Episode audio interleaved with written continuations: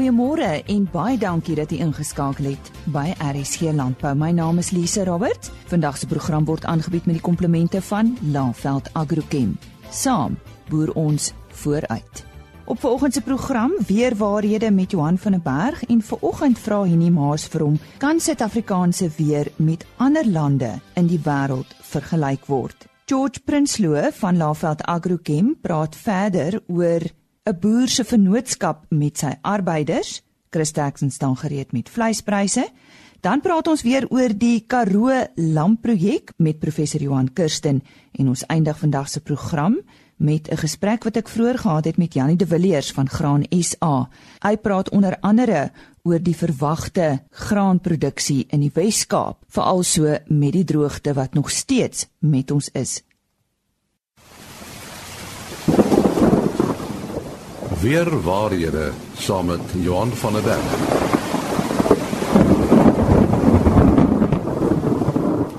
Dit vir uh, weer waarhede saam met Johan van der Berg. Johan, ons uh, gaan 'n bietjie gesels oor hoe ons klimaat uh, vergelyk met ander dele van die wêreld. Is daar enigins 'n vergelyking? Daar is 'n paar plekke wat uh, wat 'n mens uh, of 'n positiewe of 'n negatiewe korrelasie kan kry.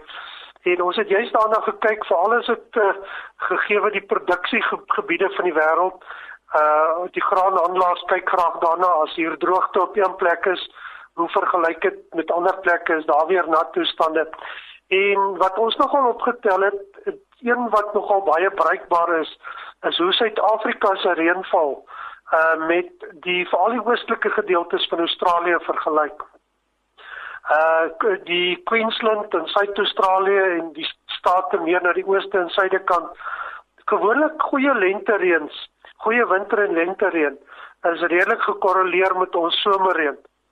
Uh ons het ook gekyk in die verlede jare waar daar sneeu in Suid-Afrika of redelik swaar sneeu uh redelik ver hoog of noord was, ook in Australië. En een van die ander aanduidings is die Australiese koringoes is gewoonlik vir ons 'n baie goeie aanduiding. Uh as hulle 'n swak koringoes het, uh ons someroes wat volg daarna. So daar is 'n bietjie van 'n uh, wat ons in Engels noem 'n lag periode of 'n verskil in die in die in die uh, tydperk.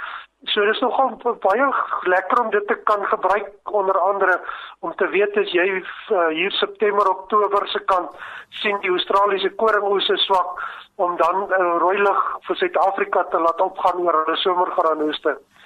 'n Ander interessante een is die negatiewe korrelasie tussen die reënval hier van Kenia, Tansanië en Uganda, uh maar alles meer na die ewenaar se kant toe uh teenoor Suid-Afrika.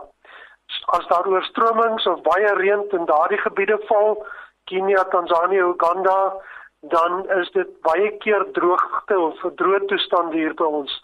Ehm um, so dit is ook nogal interessant om daarna te kyk en dit te gebruik want hulle is ook so bietjie voor ons baie keer en 'n mens kan kyk. Die ander interessante een is Suid-Amerika.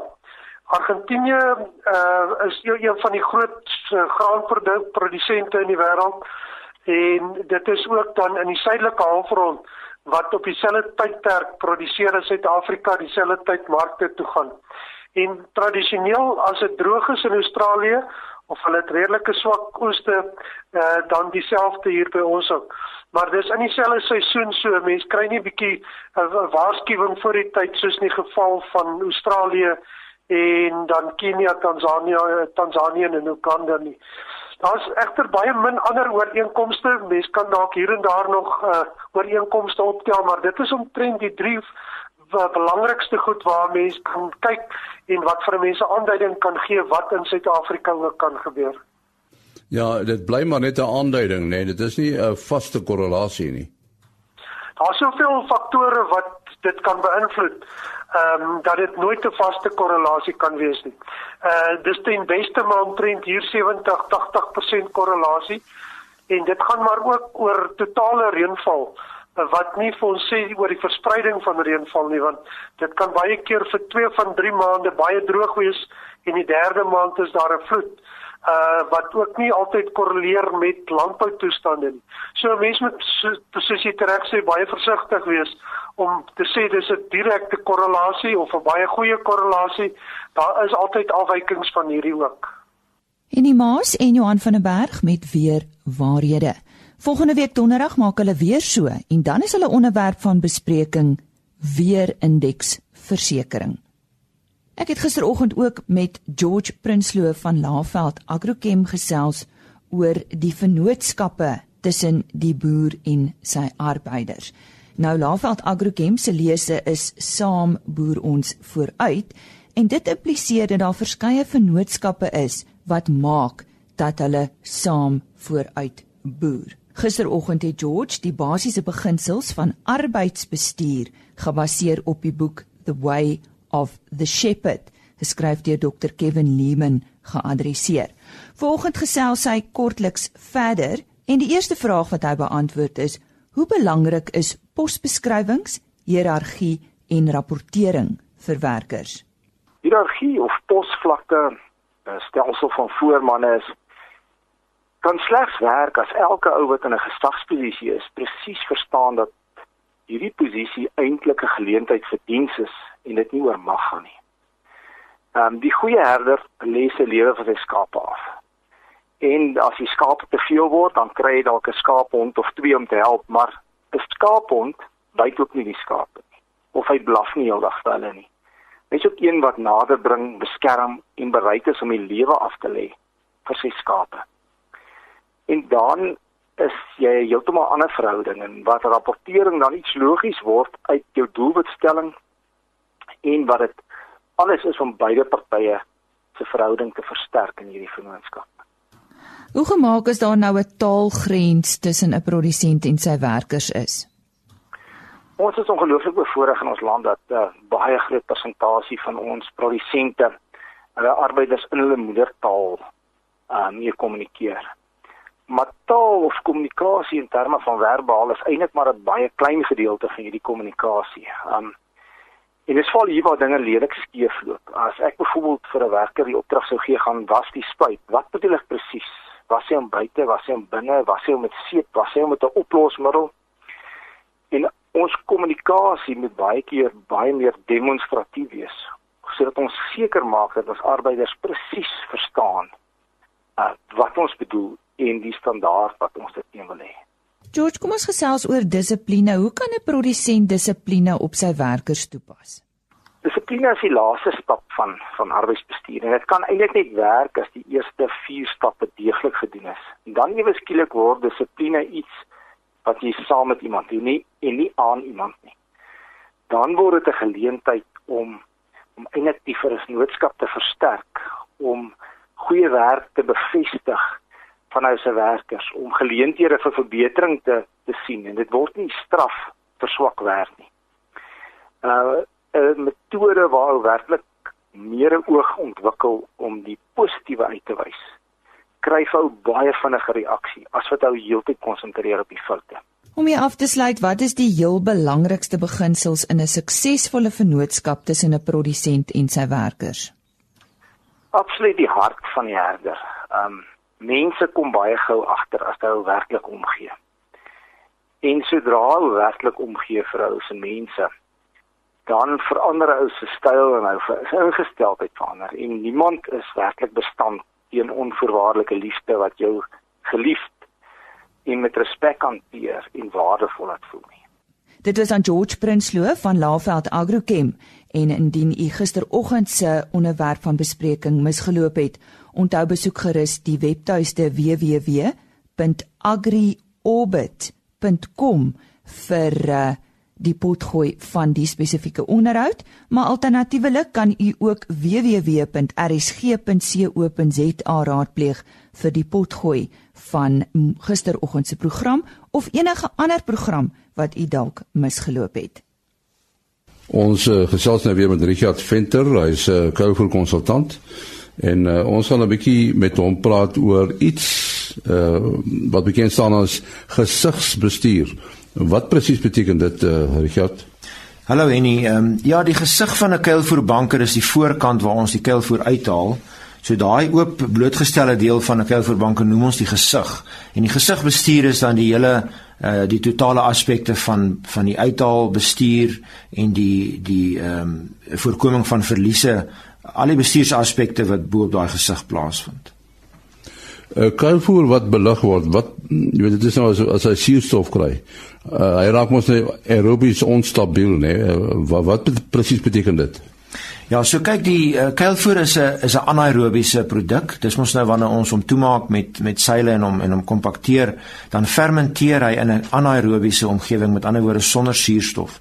So wanneer hy dan nou weer suurstof kry, uh, in hierdie proses noem ons die sekondêre fermentasieproses, dan raak hy onstabiel of dan sogenaamd aerobies onstabiel. En dit gaan daaroor dat daai suurstof wat terugkom bo op die kuilvoer aktiveer dan 'n klomp mikroorganismes, byvoorbeeld giste, wat uh, aan die lewe kom en dit lei uiteindelik tot verliese op die kuilvoer. Uh, kan 'n mens dit voorkom? Ja, die, die voorkoming sluit in nou 'n klomp praktiese bestuursaspekte. Jy weet, alle kuilvoer wat jy elke dag losmaak op daai gesig, moet jy ge, uh, losmaak om om te gebruik en met ander woorde dit verwyder. Jy kan nie kuilvoer losmaak en dit laat lê tot môre nie. Nou een van die belangrikste goed of die maklikste maniere om daai kuilvoer dan uh, daai gesig so te bestuur is dan met toerusting. Jy kry kuilvoer uithalers of die sogenaamde ehm um, uh, uh, snyers wat ons op die gesig gebruik. Dit sny basies daai voorste gedeelte van die kuilvoer los op 'n baie mooi manier sodat die gesig nog nog steeds vas bly en dan voorkom dit verdere indringing van suurstof. Maar mens kan natuurlik met die hand ook baie suksesvol kuilvoer uithaal, maar die aksie moet wees om die kuilvoer gesig af te steek en net genoeg kuilvoer uit te haal vir vandag. Ja, dit klink nou dalk 'n snaakse vraag, maar hoe diep loop die gesig? Ja, die suurstof dring in enigiets van 30 cm tot 'n half meter. As die kompaksie baie swak is en die kuilvoer is los, kan dit selfs dieper indring tot soveel as 'n meter. So dit is dis 'n baie goeie punt hè want jy weet jy moet besef jy haal nou die kuilvoer uit en daai gesig is nou blootgestel aan suurstof tot môre wanneer jy weer uithaal. Maar intussen dring daai suurstof in die gesig in en hy begin daai sekondêre proses en hy begin daai onstabiliteit veroorsaak. Nou die digtheid van die kompaksie kan seker ook die die diepte van die gesig beïnvloed. Absoluut. Hoe beter ons kompaksie is, hoe minder indringing kry ons en hoe hoe meer stabiele kuilvoer kry ons op die gesig. En dit wys jou net weer hoe belangrik daai kompaksie is wat ons uh, tydens die maakproses van kuilvoer al moet bestuur. Ja, dat sê as jy as jy boer en jy is nie elke dag op die land nie, dan moet jy maar op 'n boer. Seker dieselfde met kuilvoer. Ja, ek dink ons onderskat die hoeveelheid uh, verliese wat ons kan hê op kuilvoer. Ek dink ons onderskat die probleme wat kan uh, uh, wat kan vorm daaruit.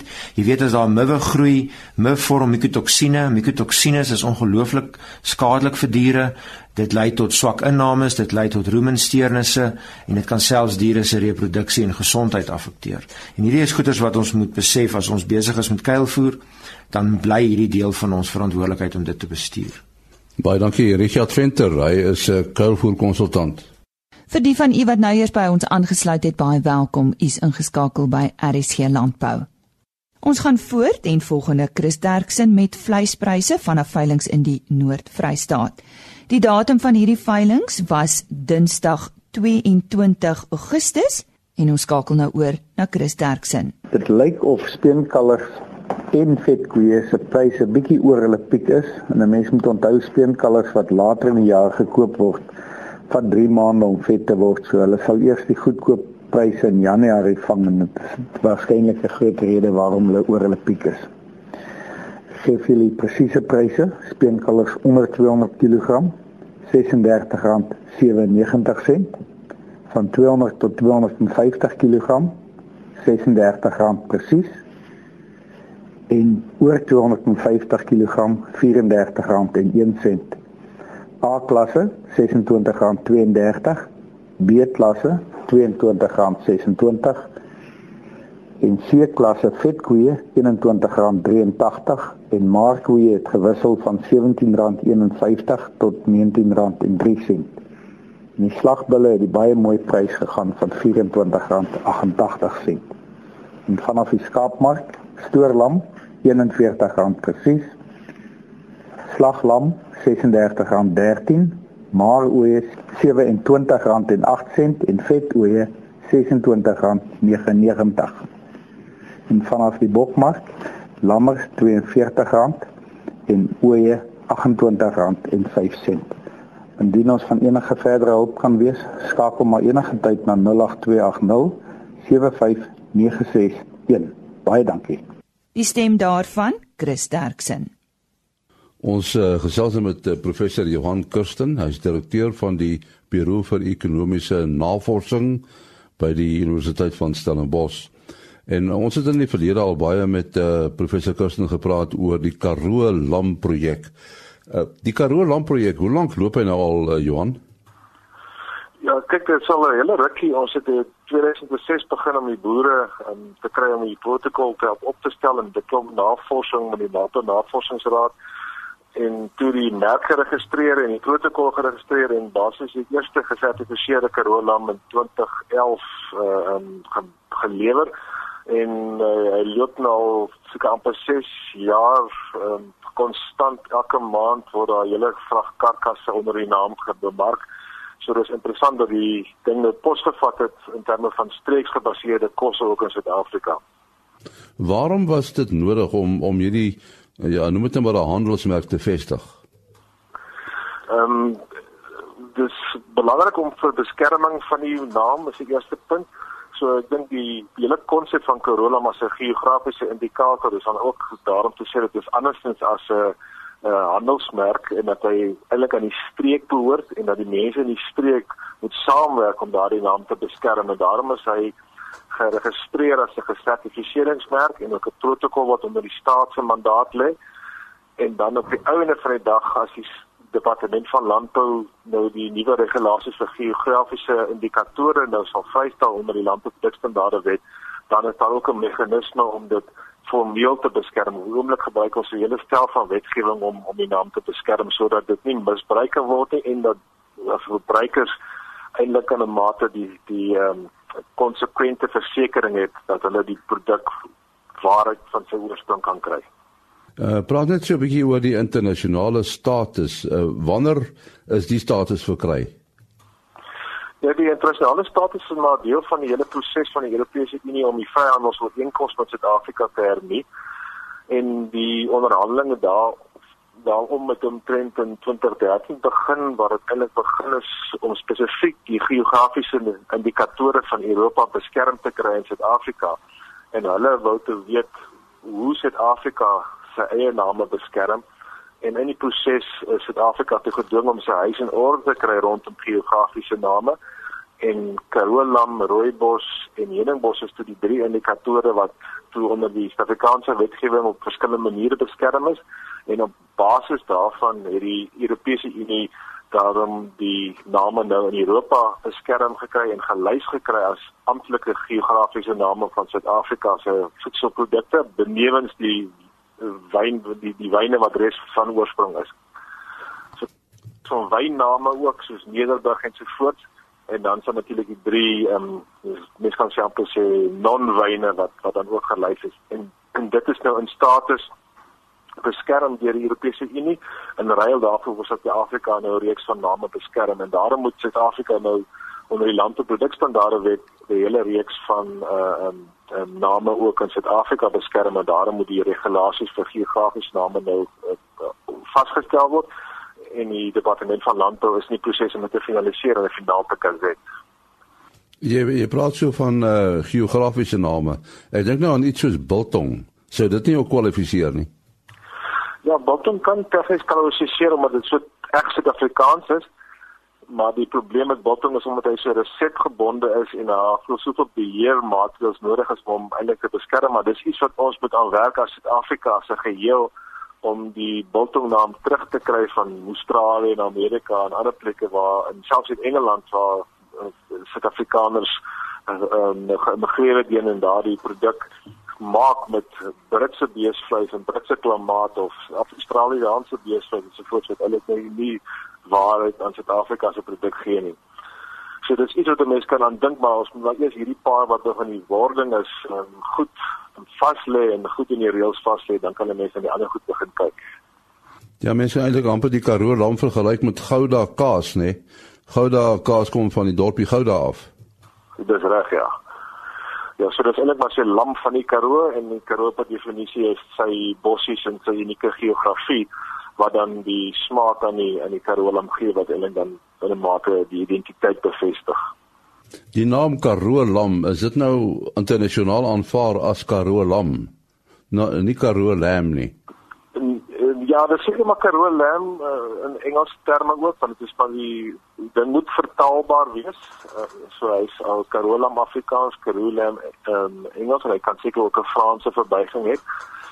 Ehm um, so hy's uh, dan uh, internasionaal so geregistreer maar spesifiek in die Europese Unie op oomblik nog as 'n uh, um, certified Karoo meat of origin as die merk wat die Karoo se oorsprong bevestig. Ehm um, en, en dit is dan die, die eerste baie belangrike stap vir die moontlike uitvoer na Europa om dit in, in plek te sit sodat daar nie um, lam van ander streke as as Karoo lam verkoop word nie. Baie dankie professor Johan Kirsten, hy is die direkteur van die Buro vir Ekonomiese Navorsing by die Universiteit van Stellenbosch.